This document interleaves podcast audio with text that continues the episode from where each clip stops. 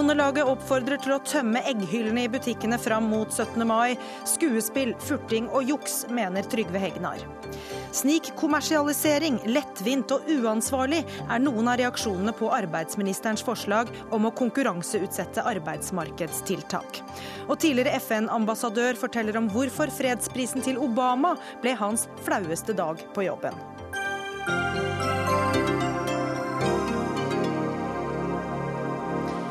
Da ønsker vi vel møtt til eh, Dagsnytt 18, som også er med på den offisielle åpningen av den omstridte Kongolandsbyen i Frognerparken i Oslo, nå klokka seks. Ja, Her er det et stort pressoppbåd allerede, og om lag 200 publikummere har også funnet veien. Og straks er det klart for den offisielle åpninga. Vi får mer fra reporter Lars Ivar Nordahl i Frognerparken litt senere. Jeg heter Gry Blekastad Almås. Bøndenes aksjoner har vært mange etter bruddet i jordbruksforhandlingene tirsdag. Traktorkolonner med varseltrekanter prydet av hodene til Erna Solberg, Siv Jensen og landbruksminister Sylvi Listhaug har inntatt eh, flere byer. Bønder har tømt tusenvis av liter med melk i gatene. En bonde tente på låven sin som et symbol på at norsk landbruk står i fare for å gå opp i røyk. Og fra i dag tidlig har de blokkert eggmottak og oppfordret folk, eh, og også sine egne medlemmer, til å tømme butikkhyllene for egg. Og Det er altså ikke hvilken som helst helg vi går i møte, det er 17. Eh, mai på lørdag. Trygve Hegnar, redaktør i Kapital, hva syns du om metodene bøndene bruker? Uh i og for seg ganske greie. da. De vekker oppmerksomhet. og Det er det som er da sannsynligvis tanken. At man da, når man heller ut melk i gatene, så virker det litt brutalt og litt dumt, men eh, så får man også oppmerksomhet. Og hvis man brenner en låve, som du sier, så er det også ganske oppsiktsvekkende. Eh, og eh, hvis man da har 1000 traktorer på E6 eller E18 og stopper trafikken og folk blir gale, så vekker det oppmerksomhet. Så Sånn sett så er det kanskje et vellykket stunt. Eh, men Jeg er ikke sikker over langtidseffekten, men jeg syns det på en måte går litt over i parodien. Eh, og det mener jeg virkelig alvorlig. Når da bøndene i dag tidlig Jeg satt på kontoret, det var en av oss som jobber hos meg som også er bonde. Så han kom løpende og sa jeg har fått en SMS fra Norges Bondelag hvor de ber meg om å gå i butikken og tømme da hyllene for egg i dag. Og ikke bare gjøre det alene, men de skal ta med vennene mine. slik at når Bondelaget går ut og kjøper sine egne produkter for å late som det blir tomt i butikkene og vise folk at det blir fælt hvis ikke kommer norske produkter, det mener jeg er parodi. Parodi, Nils Bjørke, du er leder i Norges Bondelag. Hvorfor har dere oppfordra til å tømme hyllene for egg? Nei, Vi har ikke oppfordra, iallfall ikke for sentralt i Bondelaget. Det kan ha skjedd litt ulike meldinger ute i lokale og fylkeslag. Men det er SMS-er som er kommet fra Bondelaget? Ja, og det vi har sagt er at, som jeg òg sa på nyhetene i går kveld, var at det kunne vært lurt å handle litt egg for å sikre seg til helga. Og det som blir så gavt til alle forbrukere, det har vi òg sendt ut til våre medlemmer. Våre medlemmer er sterkt frustrerte over det jordbruksoppgjøret som kom, og den manglende forhandlingsviljen som staten viste. Og det viser godt med alle disse aksjonene som nevner på. En del av de de er organisert av oss, men mange av dem er faktisk spontanaksjoner av bønder som har skikkelig fått opp temperaturen pga. den håndteringen som næringen har fått ute. Og Derfor så blir det, og de vil òg være med på eh, en aksjon mot mat. og Derfor så har vi da valgt å blokkere alle egganleggene nå, og oppfordre folk til å handle seg egg. Men vi var jo først ute til forbrukerne så at de kunne sikre seg egg. Så kunne de være sikre på. Så vårt poeng er ikke å tømme butikkene, men det er for å få litt fokus på at egg, maten skal produseres hver dag og han skal leveres. Og det er ikke store lager rundt om. Så jeg syns vi har fått et bra fokus på det. Hva sier du da til påstanden om at det nærmer seg en parodi? Nei da, men jeg hadde jo vært overraska hvis jeg hadde fått applaus av Hegnar på det som vi gjør i forhold til næringen. Og det er jo alltid en utfordring hva vi skal gjøre. Det som er viktig for oss, er at bøndene får ut og markere seg. Og det som er moro er, når vi nå har hatt aksjoner i alle kommuner, fjorder og fjell rundt hele landet, er den responsen vi har fått til folk flest. Eh, vi får tilbakemeldinger av mine medlemmer som sier at her har, her har folk stått i kø for at vi har blokkert veien. Og de er opp med tommelen og de eh, sier stå på, vi vil ha norsk mat òg i framtida. Men Hegnar, du, du, kalte det en parodi nå, men da vi snakka med deg tidligere i dag, så, så brukte du ord som skuespill, furting og juks. Eh, hva mener du med det? Jo, altså Juks er det klart da, når man ber sine egne medlemmer, bøndene, om å tømme butikkene for egg. Eh, I utgangspunktet trodde alle sammen at liksom andre publikum måtte forte seg å kjøpe, kjøpe, for å sørge for å ha egg til 17. mai. Da, ikke sant? At liksom mm. Publikum måtte raske, raske, raske, komme raskt av gårde og gå inn i butikken og fylle bilen med egg for å passe på at man hadde egg igjen. Men det er klart det er juks når man da på en måte ber sine egne medlemmer ta med vennene sine for å kjøpe egg, for å tømme hyllene. Altså, Hva blir det neste? Skal mm. bøndene nå gå å kjøpe da kyllinger og stek og lammekjøtt og agurker? Eller altså, hva blir det neste? Det er jo helt, det er, det er faktisk helt komisk når man man kjøper sine egne produkter. Og man må jo også tenke på det at hvis Bondelaget fortsetter med den stilen der Jeg tror ikke det kommer til å gjøre det, jeg tror det kommer til å bli avblåst i morgen. Eh, men hvis de hadde fortsatt med den taktikken da med å kjøpe egne varer for å vise at sånn er det hvis det blir tomt i butikkene, eh, så vil jo da staten kunne ta sånne nødforordninger og da åpne importen for alt det som det mangler i butikkene. Og da vil jo Norges Bondelag få et ganske hardt slag hvis man da lett åpner grensene til Danmark og Sverige, hentet eggene, hentet lammekjøttet, hentet biffen. Eh, da vil det være ille ute å kjøre. Så dette kommer ikke til å gjøre lenge. Det er jo litt artig å høre på han. Vi har ikke som mål å tømme butikkene, men at vi sender ut samme beskjeden til våre, våre som andre på han. Norske bønder har jo ikke høns, de fleste. Det er noen få spor, så det er jo forbrukere, bønder og venner òg, så de eh, fikk beskjed om at det var lurt å handle inn. Men Hegnar er jo ikke den eneste som kaller det juks, for det har vært forskere ute i dag og sagt at dette er ulovlig, og at dere kan vente dere eh, erstatningssøksmål ja, osv.? Forskere finner ut mye rart, og det er mye diskusjoner om forskjellige ting. Det som er Poenget vårt er at vi vil ha oppmerksomhet på dette at det er ikke selvsagt at du har den maten. Og Det syns jeg vi har fått på en, på en, god måte. Og Så får vi ta en oppsummering i etterkant eh, hvordan dette virker. Men det som Hegnar glemmer, han sier at det bare å importere egg.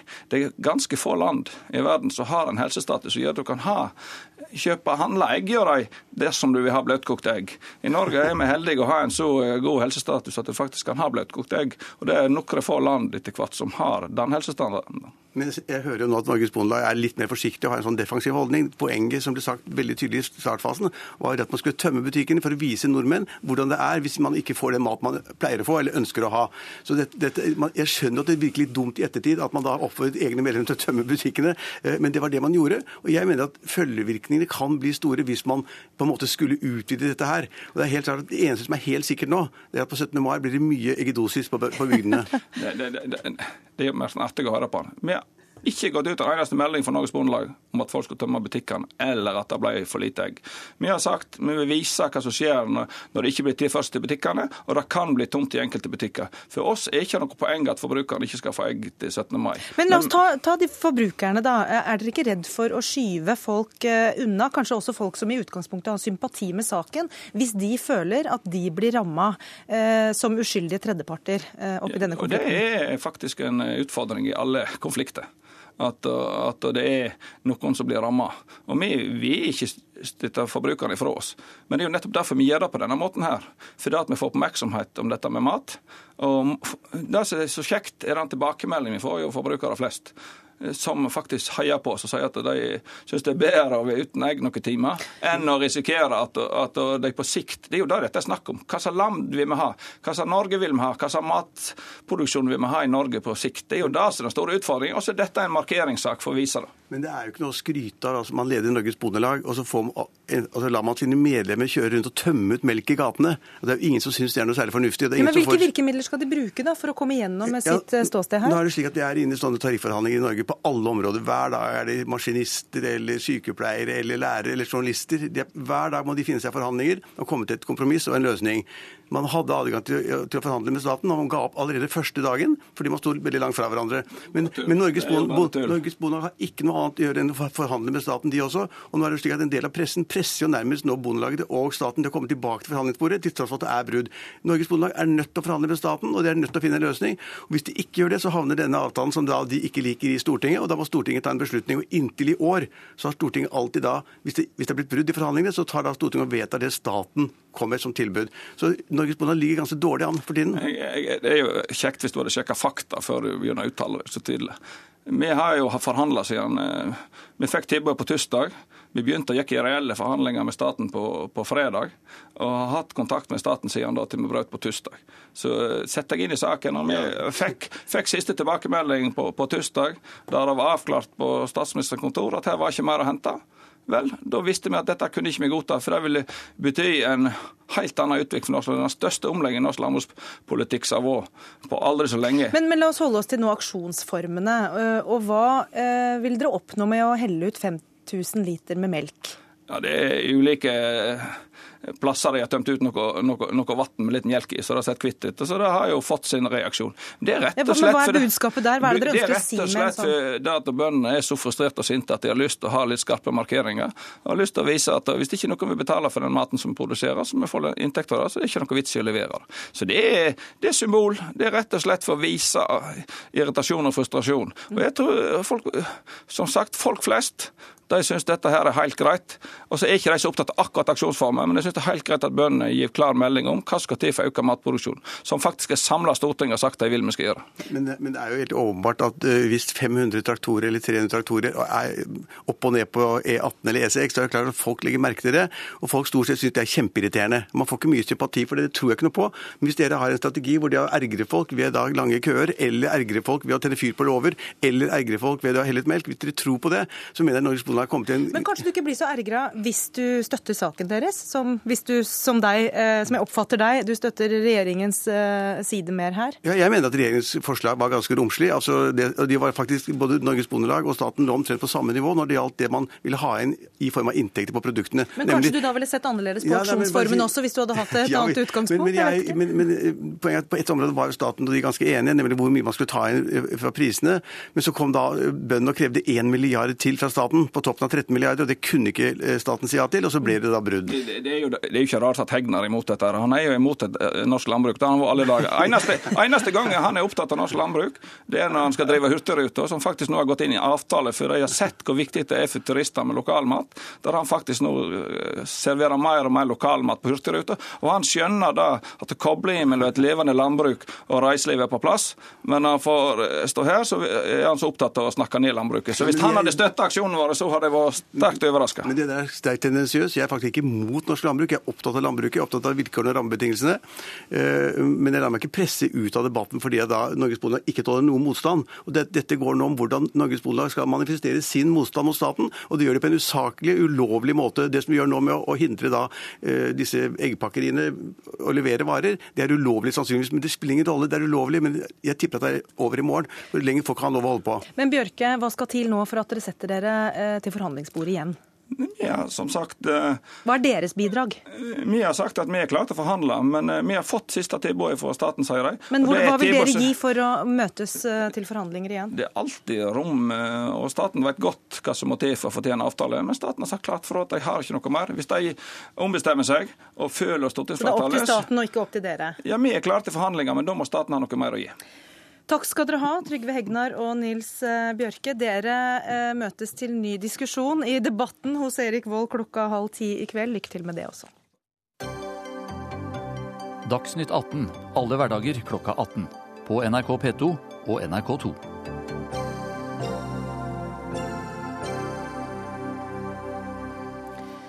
Vanlige bensin- og dieselbiler bør bare få lov eh, til å kjøre på ett kjørefelt på hovedveiene inn mot Oslo, mener Zero.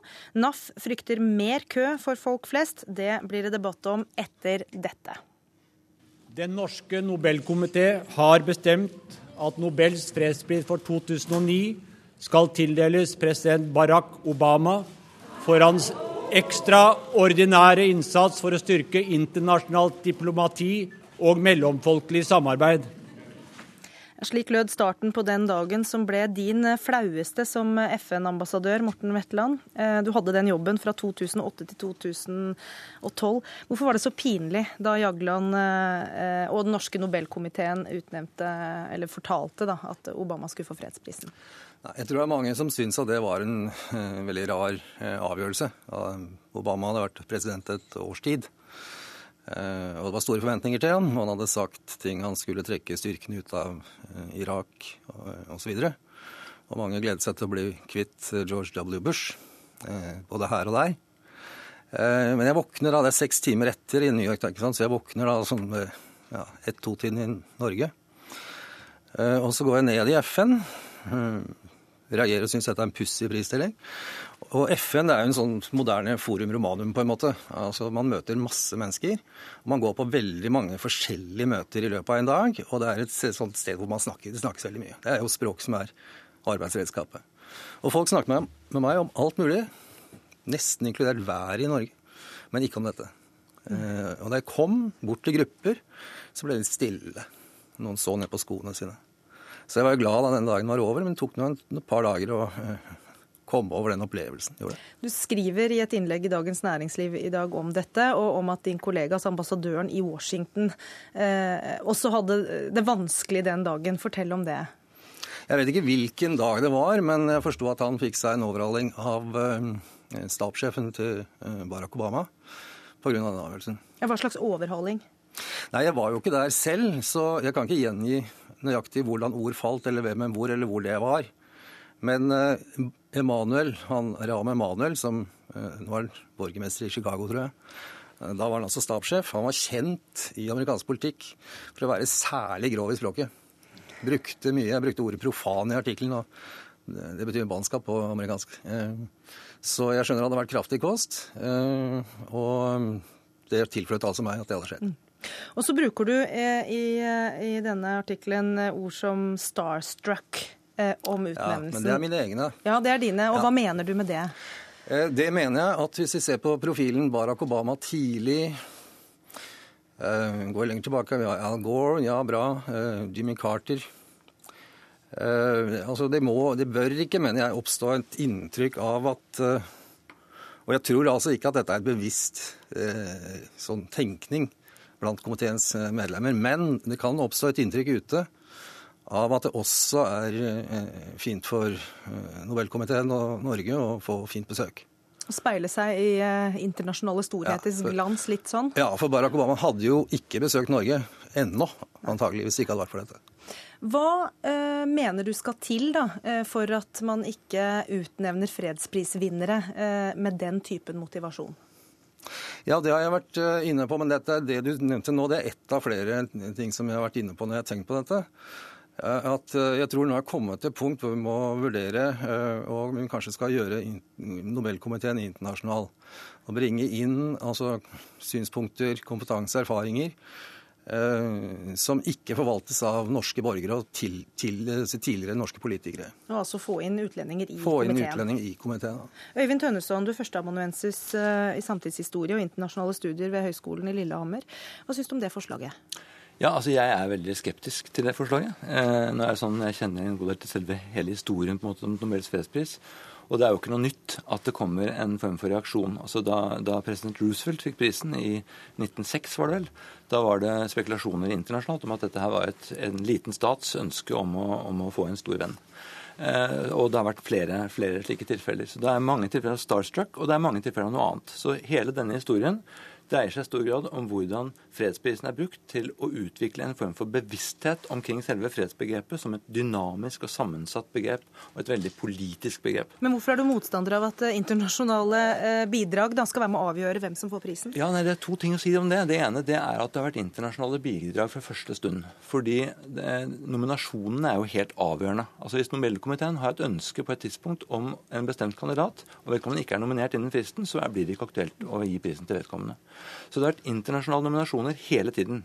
Og omfanget av internasjonale nominasjoner har jo økt også radikalt. Eh, så det er det ene. Det, for meg er det viktigste eh, argumentet mot å internasjonalisere, det er simpelthen spørsmålet hva slags kriterier skal ligge til grunn for utvalg av internasjonale kandidater. Ja, Da kan du kanskje svare på det, Vetland. Hva, hva ja, tenker du om det? Jeg er enig i at det er, det er vanskelig. og jeg, jeg tror ikke det er noe fiks, det forslaget om å ta inn utlendinger. At vi dermed er kvitt den typen overveielser som jeg var innom. Eh, men, eh, men jeg tror f.eks. ikke at Obama ville fått fredsprisen hvis det hadde vært tre nordmenn og to utlendinger.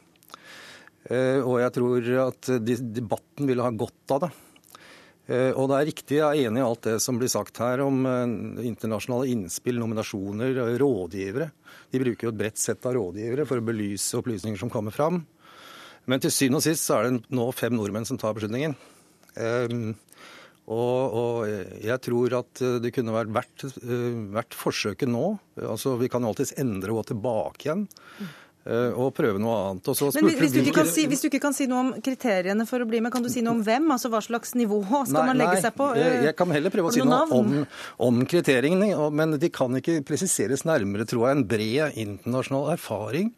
Eh, sett altså synspunkter på verdensutviklingen sett fra andre ståsted enn norsk politikk og Stortinget. Eh, nå ser jeg noen andre enn meg selv har foreslått Carl Bildt og Kofi Annan. Og det skjønner jeg veldig godt at de kommer opp. Eh, og Det kan være argumenter for og imot hver av dem, og det kan være andre som har tilsvarende bred internasjonal erfaring, som kan være Så mitt poeng var ikke å foreslå konkrete navn, men det er klart at de to har veldig forskjellig bakgrunn, men begge har en bakgrunn som gjør at de i utgangspunktet kunne være kandidater. Tønneson? Ja, jeg har vært, eh, prøvd å tenke, jeg også, på mulige kandidater. Eh, det er to ting å si om det. Det ene det er at det er en veldig stor fare for nettopp det som du vil unngå nemlig dette med starstruck. Altså, da flytter du hele problemet til utnevnelsen av medlemmer av komiteen. Slik at det å tenke folk med stjernestatus vil kunne være et, et anliggende for et parti som ønsker å gjøre en sak ut av det på Stortinget, i og med at Stortinget fortsetter å gi denne prisen. Så Det er det ene. Jeg har prøvd å finne navn, og da, det eneste navnet jeg egentlig har funnet som ville være en sånn åpenbar, klar kandidat, det er, det er altså Desmond Tutu, som er altfor gammel. Så eh, det, noe andre enn det har jeg egentlig ikke sett at ville være utpreget gode kandidater. Så du syns det er vanskelig å finne noen internasjonale størrelser, mens det er lettere å finne norske størrelser Nei, som kan gjøre det, jobben? Da? Jeg syns faktisk at en veldig vesentlig ting det er å tenke i en annen retning enn størrelser. Og eh, Vi må også gå tilbake til Nobel, Nobel selv. Nobel selv skrev sitt testamente. Det var to ting som var viktige i testamentet. til min oppfatning. Det ene var hvem, hva slags arbeid som skulle gi grunnlag for prisen. Men veldig viktig var det at han ga oppgaven til det norske Stortinget. Ikke til Norge, men til et parlament. Og det avgjørende der var nettopp at det var et parlament som altså er vant til ikke å forholde seg til dogmer, ikke forholde seg til en bestemt type vitenskap eller teori, men som er vant til å forholde seg på en måte fleksibelt politisk. Da ville det være et brudd da, et eller annet på uh, Nobels ønske uh, å følge ditt forslag, for å ja, si det sånn? Ja, helt sikkert. Men, uh, men i testamentet står det bare at Stortinget skal oppnevne komiteen, og det står ikke noe annet om det. Så all annen praksis er i grunnen noe vi har utviklet selv, og som vi står eh, fritt til å, å, å endre. Det er helt sikkert. Eh, det er en ulempe, eller ikke ulempe nødvendigvis, men en, en konsekvens av å internasjonalisere komiteen, eh, og som vil gjøre det tror jeg, mer permanent, hvis vi først skal gjøre det, det er jo at da vil man også skifte arbeidsspråk til norsk. Nei, til engelsk, mener jeg. Og det ville være en, en klar endring. Og så er det noen som Men er, det, er enige Gjør det noe? Nei, det behøver ikke gjøre noe, det. Det behøver ikke det. Altså, Nå kan alle engelsk, stort sett. Så det, som også folk som har vært gamle stortingsfolk, kan det. Så, eh, så, det er ikke nødvendigvis noe stort argument. Men det er mange som er enig i dette kravet om internasjonalisering, som tenker seg det ut fra et ønske om en form for representativitet. Og det er jo veldig, veldig problematisk. For da bør man jo nødvendigvis se mot Kina å få en kandidat til å være medlem av Nobelkomiteen fra Kina, og eh, fri og bevare meg for en oppgave å velge ut vedkommende. Da skal du Vetland, få en kort kommentar på akkurat det til slutt. Ja, altså, Jeg kommer fra FN, så der er det vanlig at man ikke tar noen fra de faste medlemmene av Sikkerhetsrådet, og det er jo Kina inne. og Det ville jeg ikke sett som mulig at en fra de fem faste medlemmene av Sikkerhetsrådet satt på Nobelkomiteen. Men det som er naturlig, er å tenke En inder, da. Ja, ja, en inder, kanskje. Jeg tror vi må sette strek der. Takk til Morten Metland og Øyvind Tønneson.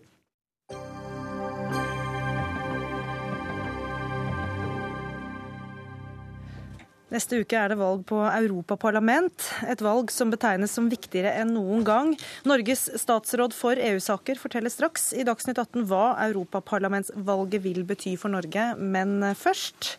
Miljøorganisasjonen Zero vil innføre et eget miljøfelt på de store veiene inn mot Oslo, der bare elbiler, tungtransport og biler med minst to personer har lov til å kjøre.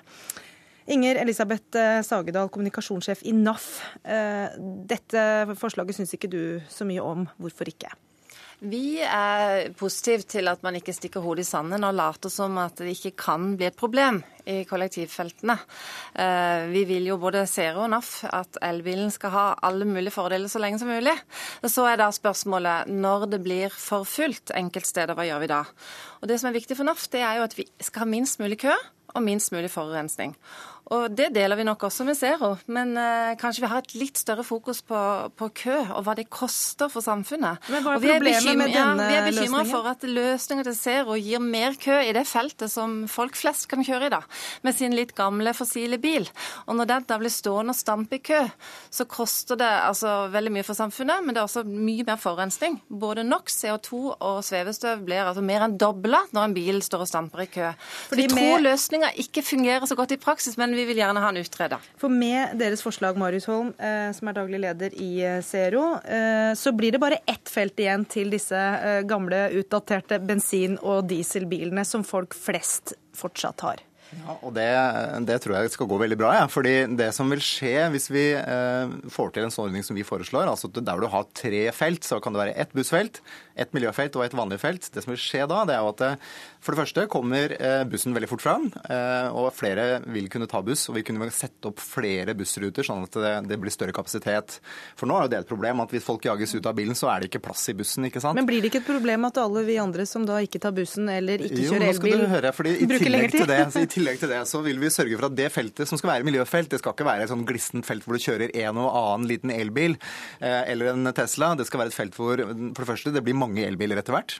Men dette vil gjøre at det, det fortsatt er lønnsomt å velge elbil. At du fortsatt kommer litt raskere fram. Men dette feltet vil ikke gå tomt, for vi får også tungtrafikken og de som kjører to sammen. Og det jeg tror, og som er erfaring fra mange land, er jo at ganske mange vil velge å kjøre to sammen i bilen hvis de, hvis de ikke har elbil. Ikke sant? De vil kjøre to for å komme fortere fram, og da blir det jo færre biler på veien. Så jeg tror det blir mindre kø hvis vi gjør dette her. Og så vil jeg minne NAF om da, at eh, hvis vi ser på Oslo, som, hvor dette kanskje er mest aktuelt foreløpig, så det, blir det flere og flere mennesker som bor i Oslo. Og det blir eh, mindre og mindre plass til biler. Det er rett og slett fullt av biler i Oslo. Så eh, vi kan ikke på en måte vi kan ikke belage oss på at vi skal løse trafikkproblemene med å på en måte ha flere, plass til flest mulig biler. Vi er nødt til å gjøre noe som gjør at det blir færre biler. Og det vil forslaget vårt føre til, samtidig som vi også sørger for at de bilene som er igjen, blir elektriske. Og det er det som er hensikten vår. Ja, Sagedal, er det ikke et poeng å gjøre det litt vanskeligere å kjøre de forurensende bilene? Jo, altså vi vil gjøre det lettere å kjøre buss. Det er det viktig for oss. Og det er veldig, ja, det er hyggelig at du minner oss på dette med, med volumproblemer og køproblem. Men NAF er veldig opptatt av køproblematikken, og det er derfor vi er opptatt av å få gjøre det attraktivt å komme over på kollektivtrafikk. Men hvorfor er det mange av oss ikke tar bussen, bruker bilen til jobb? Jo, det er fordi vi skal innom barnehagen, og så skal vi gjerne levere og ja, hente etter vi har vært på jobb. Så jeg har nok kanskje noe mindre tro på at folk lett kjører sammen. Jeg har prøvd det sjøl. Det var litt vanskelig når vi skulle hjem. for vi hadde forskjellig hentetid, forskjellig arbeidstid. Så den fleksibiliteten som det innebærer å kjøre bil, for mange den er veldig viktig. Derfor er vi opptatt av innfartsparkering. Og vi mener Altså store ikke, parkeringsplasser yes, på vei inn i de store byene? Så legges langs hovedfartsårene inn mot de store byene. Og så må vi ha sammenhengende kollektivfelt. Det er veldig viktig. Bussen skal først og fremst fram. Der er vi helt enige. Men vi har nok litt andre løsninger vi vil fokusere på først. Men for all del, vi vil gjerne ha utreda dette. For det å finne ut hvor mange som kunne tenke å kjøre sammen med naboen til jobb. Vi har kjørt sammen, vi er naboer, vi har kjørt sammen hit i dag. Det funker veldig greit. Men nå skulle vi få det samme, og vi skal hjem samtidig. Det er ikke så enkelt når man eh, skal på jobb og jobbe lenger og hente unger og alt dette her. Ja, er det litt ønsketenkning fra Zeros side, dette her? Nei, altså, jeg, jeg har jo småbarn sjøl og hatt det der stresset i mange år. Nå begynner barna å bli så store at det er litt mindre stress. De klarer seg litt mer selv. Men, men det som er realiteten, er jo at eh, bilkø er det verste som fins for, eh, for, småbarnsfamilier. Og, og, alle tiltak som gjør, det, gjør at det litt færre velger bil, er også bra for småbarnsfamilier familiene. Så, så jeg, er egentlig opptatt av at vi skal på en måte tenke hvordan lager vi framtidens by, hvordan lager vi og framtidens miljøvennlige bilpark. Og, og da er vi nødt til å gjøre to ting. Vi må sørge for at det blir færre biler i Oslo, og så må vi sørge for at det blir renere biler. Og Det gjelder ikke bare Oslo, selvfølgelig, det gjelder egentlig alle eh, storbyene. De er eh, Veldig mange byer i Norge sliter med for mye trafikk. Det, det går seint, og det ødelegger by, by, bymiljøet. Så er det jo noen da, som vil gjøre elbilen til problemet fordi den eh, kjører i kollektivfeltet. Da må jeg minne folk da om at nå er det rundt eh, sånn 10 000-12 000 elbiler i, i Oslo-området, og så er det 700 000 bensin- og dieselbiler. For vi må ikke være i tvil om hvilke biler er det som lager ja, køen. Det er de forurensende bilene. Altså. Der er vi helt enige. og Vi er også opptatt av at ikke vi skal fjerne kollektiv kollektivfeltløsningen for elbileierne. For nå er det jo nettopp utenfor Oslo og Akershus det veksten er størst. Så vi skal ikke ta fra eh, norske elbileiere den fordelen. Og jeg tror også det er noe overdrevet hvor stort problemet er på E18 og Mosseveien inn mot Oslo. Men for all del, bussen må først og fremst fram. Og så tenker vi løsninger. Vi vil gjerne ha utredning, men vi vil i tillegg ha eh, skilting og trafikkorrigering. For det er masse muligheter i, i ITS og eh, dette å kunne måle trafikken. Vi gjør det i tunneler, det er omreguleringer. Vi mener at på de store trengselsårene inn mot uh, hovedstaden, så er det mulig å skilte og, og, styre trafikken, slik at vi unngår at folk står og ruser i kø. For det, det, er altså snakk om at det koster uh, 1,25 millioner per minutt med kø Men kan ikke det kombineres med mindre eh, biler, vet du. Ikke sant? Ja. Med, ja, men med Ja. løsningen og at man har tre spesifikke ja, felt. Færre biler. Men så færre- har, vi har en annen ankepunkt, men det er at det ligger til venstre dette feltet du foreslår. og Da må, må bilene krysse over når de skal ta av til høyre. Og Det tror vi kanskje skaper mer trengsel. Det er derfor vi er skeptiske. Ja, vi må gjøre dette på en fornuftig måte. Det er jo det, det vi også foreslår, litt, vi, foreslår, nei, men vi foreslår å utrede det, vi òg. For vi, vi, vil- vi, vi ser at det kommer et punkt hvor vi må gjøre ting annerledes. Og Nå er det fortsatt ikke noe reelt problem med elbil i kollektivfeltet, men nå, selges, nå er altså elbilpolitikken så suksessfull at det kommer til å bli et problem på de store innfartsveiene. og Da må vi komme i gang med å tenke neste løsning, neste generasjon løsning. Og så er det en ting til som vi ikke har vært innom nå, som jeg syns er viktig. og det er at Veldig mange mennesker i byer i Norge sliter med luftforurensning og helseplager som følge av det. Og, og øh, vi vet at lastebiler, tungtransport, utgjør en veldig stor del av luftforurensningen. Og lastebiler som står i kø, er kanskje det verste vi kan øh, gjøre i forhold til luftkvalitet. Kanskje Så- du skulle foreslått et sykkelfelt istedenfor, som er ja, veldig bredt og plass jeg- til veldig mange. Ja, jeg sykler til jobb eh, hver dag og opplever ganske ofte at det er eh, farlig og vanskelig pga. at det er dårlig tilrettelagt for sykkel. Det er en veldig viktig del av en, eh, en eh, miljøriktig transportpolitikk for men, byene. Men Sagedal, eh, dere snakker om utredninger begge to, men kunne det ikke vært interessant å, å prøve det ut eh, for en periode og sett hvordan det fungerte i praksis, og se hvem som får rett? Blir vil folk kjøre sammen for å, å få plass i det miljøfeltet, eller? Det kan jo utredes ved å prøves en periode, for all del. Eh, Men jeg tror også det kan være nyttig å gjøre noen grundige undersøkelser om folks reisevaner, hva de kunne tenke seg, kan- hva kan være løsningen. Og så er det rett og slett bare fordi vi er bekymra og vi, vi, vi er litt redd for at det blir enda mer forurensning, slik at vinninga går opp i spinninga. Vi har samme målsetning. Vi vil ha mindre kø, vi vil ha mindre forurensning, og vi vil gjøre det enkelt for folk å komme seg til jobb. Vi må ikke se bort ifra at det skal være en framkommelighet her også. Men jeg skulle ønske at Zero kunne snakke litt mer om innfartsparkeringsløsningen, Ja, for de det det er ganske geniale. det skal vi gjerne gjøre. Vi er med på det. Men jeg tror, jeg, vi vil gjerne ha innfartsparkering. Vi vil at flere skal kjøre kollektivt. Men samtidig så tror jeg at det er lurt av eh, NAF å være litt mer åpne for at vi kanskje også må endre reisemønstre og reisevaner. At eh, klimaendringer, det å drive det grønne skiftet i transporten, det, det handler ikke bare om teknologiskift. Det handler, også, og det handler ikke bare om å bygge mer tog, men det handler også om å endre vaner og endre tenkemåter hos, eh, hos oss alle. Vi skal være med og snakke om det. Og Da har vi satt i gang en tankeprosess hos flere. Marius Holm i Zero Takk og Inger Lise Elisabeth Sagedal eh, fra NAF. Tusen takk.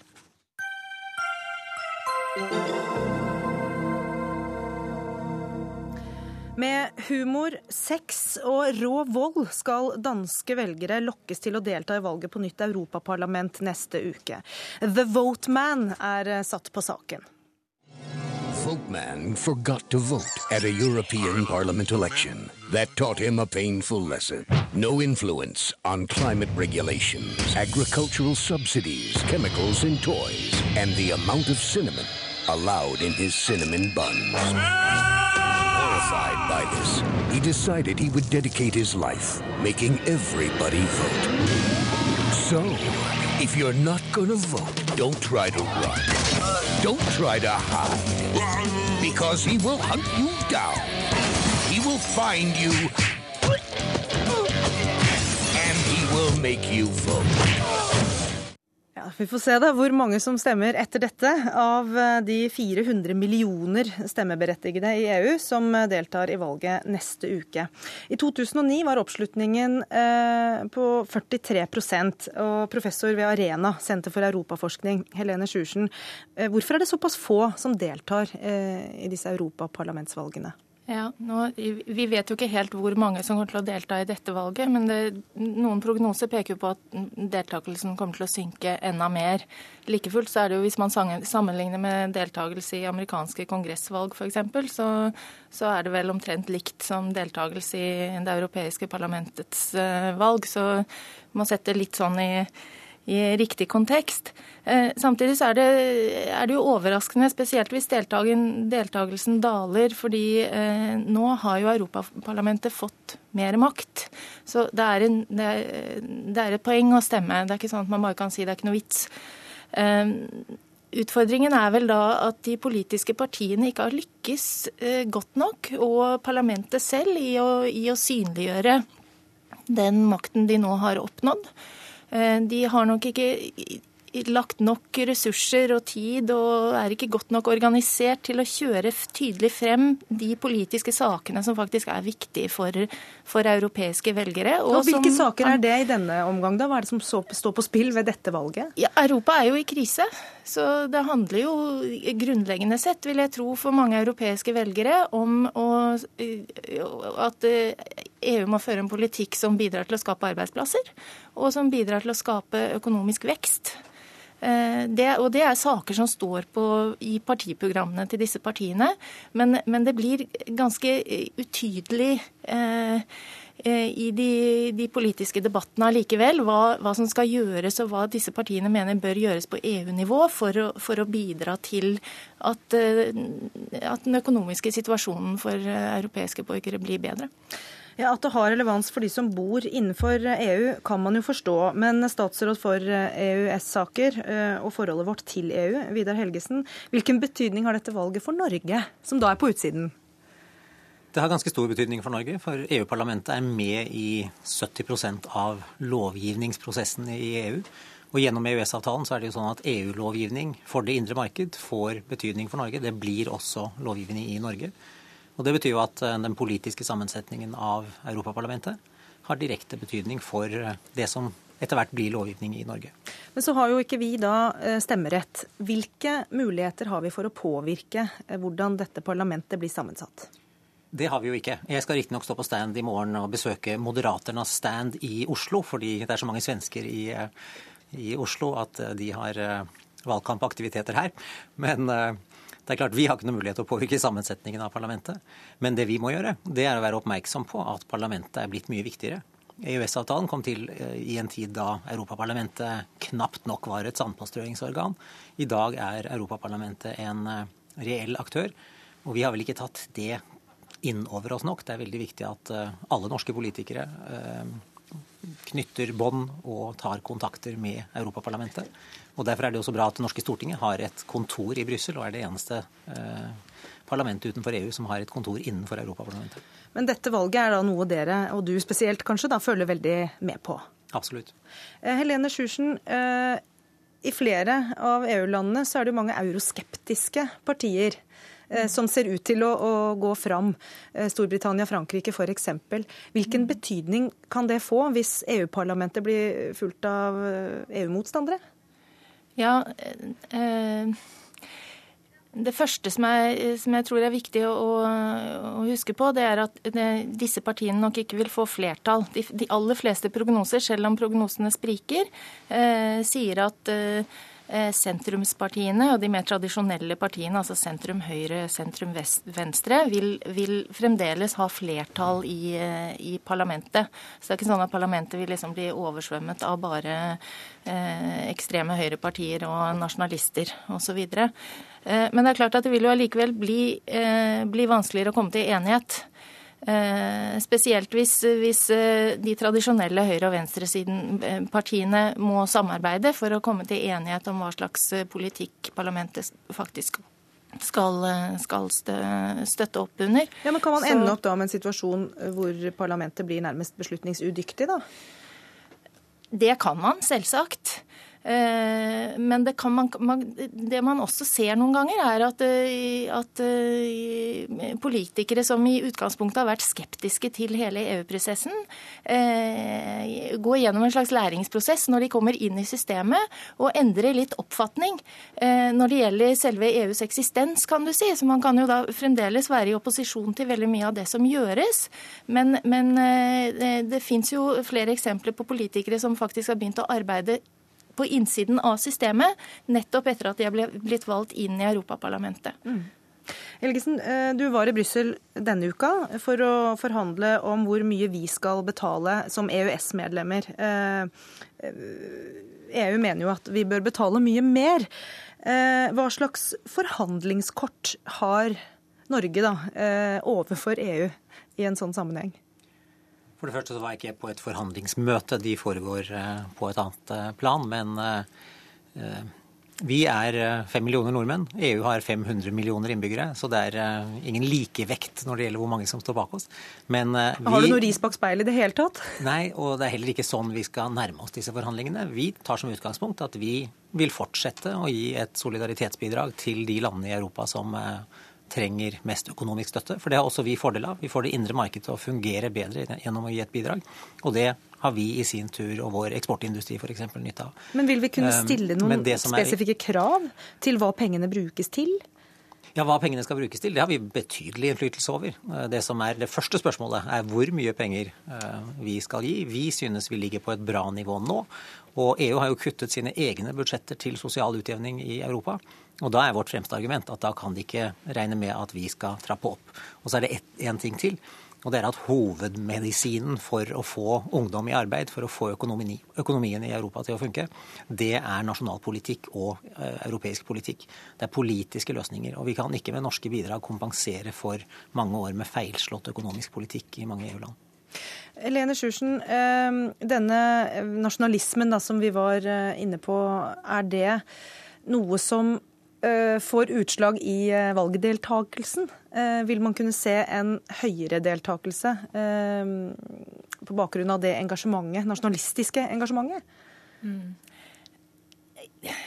det, det, tror jeg ikke man vet noe særlig om. Eh, men, men, dette er jo ikke politiske bevegelser som er nasjonalistiske bare i en sånn anti-EU-retning. ikke sant? Altså, det er mange forskjellige årsaker til at disse nasjonalistiske bevegelsene vokser frem i, i forskjellige land i Europa, og de årsakene er også veldig forskjellige. Så, så, så disse partier, dette, dette er ikke partier som kommer til å komme til Europaparlamentet og da danne en felles politisk gruppe.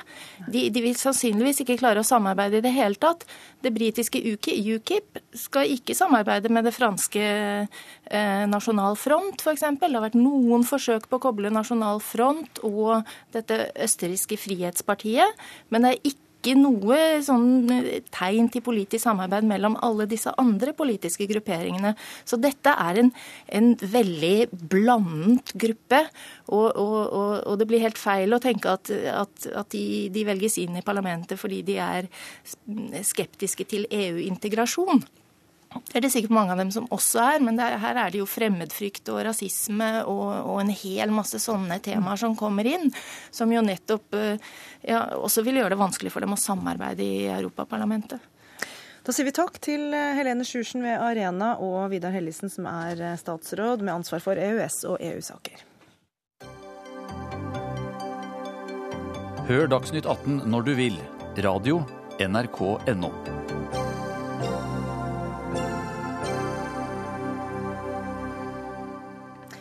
nå har den altså åpnet. Den eh, på forhånd så omdiskuterte Kongolandsbyen i Frognerparken i Oslo. Kunstprosjektet er en rekonstruksjon av den eh, mest kontroversielle delen av jubileumsutstillingen i 1914, hvor afrikanere satt på utstilling i eh, stråhytter. Reporter Lars Ivar Nordahl, du er ved Kongolandsbyen, som åpnet nå for snart tre kvarter siden. Og aller først, hvordan ser den ut? Ja, Det er jo en stor rød eh, portal i forkant her med påskrifta Kongolandsbyen. og Det er en ganske eksakt kopi av den samme portalen som var her i 1914. Og Innenfor det så har vi da en sirkel med stråhytter bygd av bjørk med strå på taket. Og i midten har vi da en sentral bygning. Dette er da åpne, små byggverk eh, det er snakk om.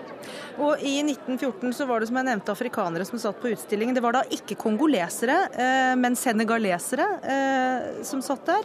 Denne gang eh, var det snakk om å leie inn afrikanere, men det har vært mye ståhei. Og så er det blitt til at det er frivillige som skulle ta plass. Hvem er de som sitter på utstillingen der nå? Ja, Dette er jo litt spesielt. For da utstillinga åpna for 20 minutter siden, så seig altså folk inn.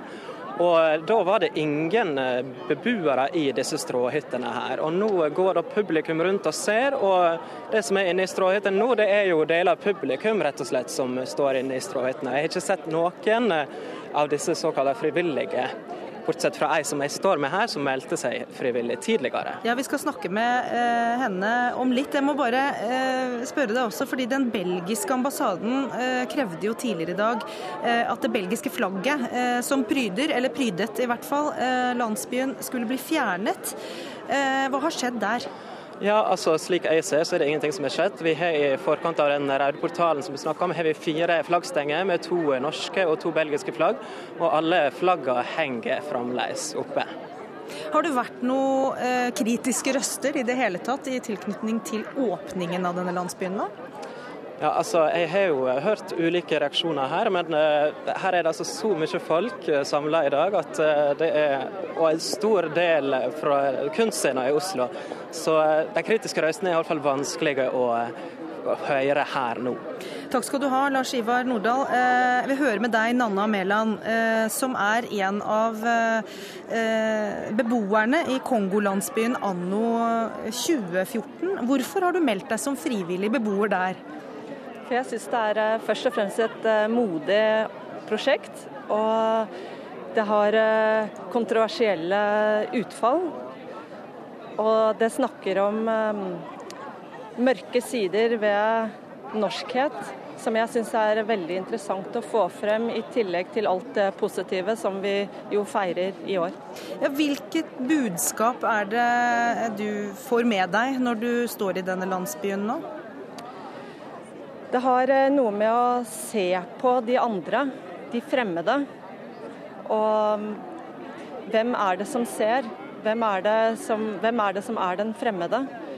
Og i, i, i, kveld så vet vi jo ikke hvem som er faktisk beboer, og hvem som bare er publikummer. Så det skaper en, en, eh, en intens, kaotisk stemning. Og eh, spørs, spørsmål ved det å se på den andre. Hvem er det som er normal, hvem er den unormale, hvem er den fremmede, hvem er den eksotiske. Men hva innebærer din oppgave eh, framover nå, eh, å skulle være beboer der? Det innebærer først og fremst at det er meg Altså at jeg stiller meg til skue. Eh, og at andre kan se på eh, kjedelige, normale meg men eh, Og at jeg tenker i forhold til det som skjedde for 100 eh, år siden, så var det sikkert mange som eh, for første gang så folk fra Afrika, og at nå stiller jeg som norsk og, og blir sett på. Det irriterer, eller det skaper en det er, jo, det er jo jeg som er normalen. Og når jeg blir sett på det, Jeg liker eh, tanken om å At ikke At et spørsmålsstiller det, det normale. Eh, lykke til som kunstobjekt, Nanna Mæland, og takk for at du var med i Dagsnytt 18. Eh, Agnes Moxnes, kulturkommentator her i NRK. Kunstnerne ville ha bråk, og det har de fått. Hvorfor har dette skapt eh, så stor furore? Det er en lang historie, egentlig. For de startet jo med dette her i 2011 og gikk ut og sa at de skulle lage en kopi av det som hadde skjedd i 1914. Og alle oppfattet det dit hen, og det er ikke vanskelig å oppfatte det slik heller, at de skulle plassere 70-80 eh, afrikanere tilbake i disse stråhyttene i Frognerparken, og at folk skulle gå rundt og se på hva Norge var i 1914. og gjøre seg tanker om det. Eh, det var jo det som møtte så voldsom kritikk, altså at man skulle fordoble elendigheten på et vis, og, og, og gjenta den. Eh, hva opplevde du nå da du var til stede? Ja, det nå, Hva... Ja, fordi Det som har skjedd med dette kunstverket, er jo at det har forandret seg 100% på veien fra 2011 og frem til i dag. Fra 1911 til i dag, ja. 19, ja. Eller iallfall fra 19, eller altså fra 2011. Ja, så, fra da de begynte å legge planer om den, og frem til i dag. Og de har møtt mye motstand, eh, bl.a. fra det norsk-afrikanske miljøet. Eh, og så har de nok Så det som skjedde i dag, var jo at det var bare hvite, nesten bare hvite mennesker som var der. Eh, vil si at det var en opplagt protest at det norsk-afrikanske miljøet var fraværende. Eh, og det var jo det som vi hørte her nå, at hvite mennesker gikk rundt og så på seg selv. Hvem er den fremmede? Hvem hører til? Hva er det vi ser på? Sånn at det er da blitt i dag prosjektet. Og så kan det jo godt være at dette forandrer seg underveis. Men tror du det var kunstnernes intensjon? Ja, absolutt. Det var intensjonen i dag. Det var nettopp altså hvem er den fremmede og hvem er det ikke. Det er vanskelig å se det i dag, og det var jo spesielt vanskelig fordi at da det svarte Norge var nesten helt fraværende. Men med det utfallet, da, kan man si at det er et vellykket uh, kunstprosjekt? Det er vanskelig å si det ut ifra liksom det som skjedde i, i dag.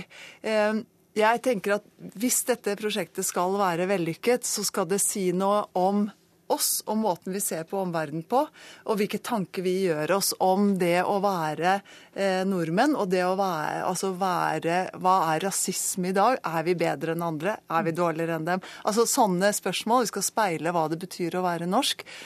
I dag i kulda nede i Frognerparken så er jeg litt usikker på om det, om det så, så, langt var vellykket. Men det var jo bortimot 300 mennesker der.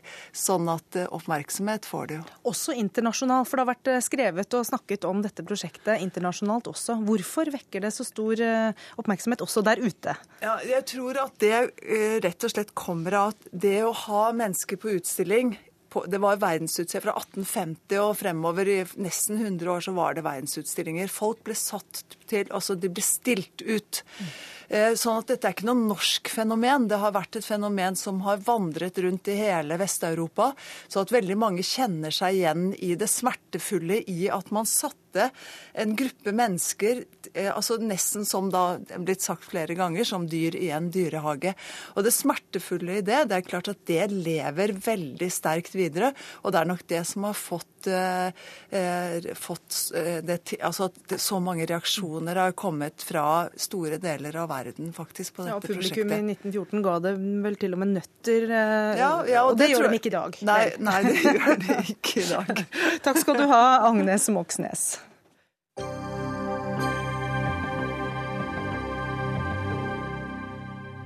Arbeidsminister eh, Robert Eriksen foreslår å konkurranseutsette samtlige attføringstiltak for sykmeldte, arbeidssøkende og personer med nedsatt eh, arbeidsevne. Alle har et talent. Nå trenger vi flere talentutviklere, skriver du i en kronikk eh, i dag, og sammenligner attføringsbransjen med fotballklubber. Robert Eriksen, forklar den sammenligningen. Det som jeg er opptatt av, det er å kunne hjelpe flere ungdommer tilbake til arbeidslivet. Flere folk som i dag står utenfor arbeidslivet. Jeg ser at uh, vi har mange gode av det som jeg kaller talentutviklere. Uh, aktører innenfor sosial entreprenørskap. Pøbelprosjektet til Eide Eidsvåg er et av dem. vi kan ta ting som skjer innenfor Kirkens Bymisjon. Maritastiftelsen, en annen ideell organisasjon som ønsker å bli med og hjelpe rusmisbrukere tilbake til arbeidslivet. Jeg skjønner ikke min villeste fantasi at vi ikke skal slippe til også dem, at de skal få bli med å avklare og følge opp øh, folk som står i en situasjon som skal tilbake til arbeidslivet. For meg er brukeren det viktigste. Menneskene er viktigere enn hvem som leverer tjenestene. Og Derfor har du nå sendt ut på høring et forslag om å, å sette disse tiltakene ut på anbud. Og Kjell Ingolf Ropstad, øh, arbeidspolitisk talsmann i Kristelig Folkeparti, øh, hvorfor er du kritisk til det? Det er flere grunner til det. Først, først er jo sånn at Jeg og Robert var helt enige om dette når han var i Stortinget og vi satt sammen i arbeids- og sosialkomiteen, at vi var skeptiske til bruk av anbud. Og Så kommer det nå et forslag fra statsråden, eh, litt ut av det blå. Eh, mens vi venter på en stortingsmelding, så, så velger han da å legge dette i tilbud, de tiltakene ut på anbud. Eh, så først og fremst så skulle jeg ønske at han heller hadde gjort det i forbindelse med stortingsmeldinga, så vi kunne fått en grundig og god debatt på endringer som er ganske radikale. Ja, er det måten han gjør det på som, er, som du er kritisk det, til, eller er det det han foreslår. Det er det ene. Jeg skal alltid, jeg skal alltid akseptere at det taper i Stortinget. Sånn er demokratiet. Men, men derfor syns jeg det er viktig at når en først skal gjøre sånne endringer, så må det gjøres i Stortinget. Fordi at jeg frykter gjennom anbud at en får aktører som skummer fløten, sånn at de menneskene som stender lengst vekk fra arbeidet, er de som taper, fordi de til ekstra lang tid krever mer ressurser for å få inn. Mens det er lettere når en har inne aktører på markedet som skal kun tjene penger, eller som ikke er non-profit, men som har et mål om å ta ut utbytte, så frykter jeg at de kan tape. Ja, la, la, oss ta det punktet først. da. Eh, Eriksson, er ikke du eh, også bekymret for at når man konkurranseutsetter eh, mennesker eh, som kanskje ikke alltid klarer å være på topp, så får det en eh, pris? Ja, men vi må huske på at Det vi gjør her, det er ikke å sette de aller svakeste ut på anbud. Vi snakker ikke om å sette verken de med Downs syndrom eller andre svake grupper ut på anbud. Det vi snakker om, det er de menneskene som skal tilbake til ordinært arbeidsliv. I dag så har vi, eh, for å prøve ikke bli for teknisk så folk skjønner hva vi egentlig snakker om, I, I dag så har vi eh, to tiltak, to oppfølgingstiltak som går på hvordan vi skal følge opp folk for å komme eh, inn i arbeidslivet. Så har vi to tiltak hvor vi, vi avklarer. Det er to helt identiske tiltak. Det ene har vi allerede hentet ved, vi at det er anbudsutsatt. Attføringsbedriften, som er nå veldig kritisk til dette, her, vinner de fleste anbudene på det som er på anbud. I stedet for å ha to likelydende tiltak, så slår vi det sammen, forenkler det. Eh, og Det er en liten endring som ikke trenger til Stortinget. Det er så liten endring at den er regulert i forskrift. sånn at det er fullt mulig å gjøre det, men da også å få muligheten da, til å gjøre tiltakssystemet litt enklere for å kunne få flere aktører til å hjelpe folk tilbake til arbeidslivet. Nå var du litt inne på prosessen igjen. Sa jo. du nettopp nå at du skal, ikke skal ta dette eh, inn til avstemning Nei, i Stortinget? Du skal endre en forskrift, og det kan du gjøre uten Stortingets ja, altså, altså, eh, Det som er maktfordelinga eh, her, det er jo sånn at Stortinget lovgivende forsamling. Stortinget vedtar lovene, så er det delegert ned til departementet. Jo, det som en forskrift. Og fastsatt forskrift. Dette ligger i en forskrift. Det er snakk kun om en såpass liten endring. Så Ropstad sin innvending eh, spiller ingen rolle her, Nei, selv om han er støttepartiet ditt i Stortinget? ikke sant? Her, her er akkurat det samme som Dag Terje Andersen og de rød-grønne foreslo og sendte ut på høring sommeren 2008. Var heller ikke den gangen lagt opp til at vi skulle gjøre en stortingsendring det på det. Det framstår Ropstad som små endringer bare, på noe som allerede skjer i en litt mindre grad enn det han foreslår? Ja, og det er ikke riktig. Altså Når NHO advarer mot anbud, så tenker jeg at en bør lytte. Eh, og det som er jo tilfellet her, er at eh, no, altså det fremstilles som en forenkling, men det ene tilbudet, nemlig avklaring, er 2000 mennesker som i dag er i skjerma sektor. Eh, og Det er mennesker med nedsatt arbeidsevne som har en utfordring med å komme tilbake til arbeidslivet, og derfor trenger litt mer beskyttelse. Men det som òg er utfordringa, som, som, jeg reagerer litt på, det er jo det at en fremstiller i dag som at det ikke er mulighet for ideelle aktører å komme inn. For jeg er helt enig med Robert Eriksson i at ideelle aktører, Pøbelprosjektet og andre bør slippe mer til. Men det gjøres i dag innenfor at en forhåndsgodkjenner og det er non-profit-organisasjoner. Så istedenfor å fokusere på anbud, så burde Robert Eriksson gjort det, i tillegg til å ta fatt i det som er den store utfordringa på sektoren. Fordi at vi får ikke nok mennesker tilbake i arbeid, men utfordringa ligger bl.a. i Nav. At en ikke har god nok kompetanse på bestilling. Eh, den ligger i at det er for lange ventetider. Eh, attføringsbedriftene oppgir at eh, mennesker venter opp mot to og et halvt år i snitt før de kommer på tiltak. Og så blir det òg ventetid mellom tiltakene. Så det å få en sømløshet i tilbudet, det er noe av det aller viktigste statsråden må gripe fatt i. Det må du svare på. Ja, Det er jeg helt enig til. og Det er derfor vi kommer også med en proposisjon til høsten for å gå videre inn på hvordan vi innretter arbeidsmarkedspolitikken for å lykkes bedre. Det vi gjør nå, det er en forenkling, en liten forenkling som vil vi bedre. Men er det ikke også en prinsipiell endring? Ja, Det kan du, kan du si. for det, det er i så fall da, For å bruke Eddie Eidsvåg og Pøbelprosjektets egne ord da når vi lanserte dette, her, endelig er det en statsråd som har ryggrad nok til å kunne innføre rettferdighet. Dette betyr rettferdighet, at vi alle sammen får lov til å stille på det samme startstreken og bli med og kvalifisere og følge opp folk tilbake til arbeidslivet. Det, og Jeg er opptatt av å ha et rettferdig system. Rettferdighet er viktig for meg. så må jeg få snakke Nei, nå er Ropstad bare for å kommentere akkurat det. Det kommer så mange, mange beskyldninger her på, i forhold til både ideelle organisasjoner forhåndsgodkjenning, så er det jo faktisk sånn da at selv med forhåndsgodkjenning så klarer du ikke å fange opp alle sammen. Og, og Mener Ropstad og Kristelig Folkeparti at vi skal ha et system der det kan sitte en politiker på toppen og si OK, eh, vi vurderer ikke hvem som er best med kvalitet og sånne ting, men Kirkens Bymisjon får 5000 plasser, Pøbelprosjektet 20 000 plasser og attføringsbedriften 30 000 plasser. Vi får vi Ropstad på det. Nei, altså, men det er jo som du vet godt, og som du sier, det er jo en viss form for anbud i dag innenfor forhåndsgodkjente aktører. Og Jeg ønsker virkelig Pøbelprosjektet mer inn. Jeg ønsker ideelle aktører mer inn, fordi at de bidrar med nyskaping. Men det er ikke noe automatikk i at det at en slipper til kommersielle aktører, gjør tilbudet bedre. For en glemmer at dette er mennesker eh, som er langt ifra arbeid. Mange av dem, Det kan være en, en, som sliter med alkohol, en tidligere rusmisbruker. Det kan være eh, mennesker som har vært utenfor arbeid i lang, lang tid, og som trenger betydelig hjelp. Og Det som fort skjer når de gjøres på anbud, det er at det er prisen som er det avgjørende. fordi at det, det offentlige ønsker billigst mulig istedenfor at det er kvaliteten. Og istedenfor å få en tett dialog mellom Nav som bestiller og attføringsbedriftene som leverandør, så skaper du en større avstand og mindre fleksibilitet. Og nå må statsråden få siste ord i debatten. Ja, jeg jeg syns det er litt eh, bemerkelsesverdig at KrF mener at eh, aktører som Kirkens Bymisjon, eh, Maritastiftelsen, eh, Røde Kors, Pøbelprosjektet, sosiale entreprenører blir, om, blir omtalt som kommersielle aktører. Det er dem vi snakker om, og det er dem vi ønsker å ta mer i bruk. Og så snakker, kan vi sette oss ned og diskutere hvordan skal anbudskriteriene utmåles og lages, sånn at de slipper til. Og nå må jeg dessverre avbryte statsråd Robert Eriksen og Kjell Ingolf Ropstad fra Kristelig Folkeparti for sendinga er slutt. Dagsnytt 18 i dag var ved Bjørn Atle Gildestad, Lisbeth Sellereite og Gry Blekastad Almås.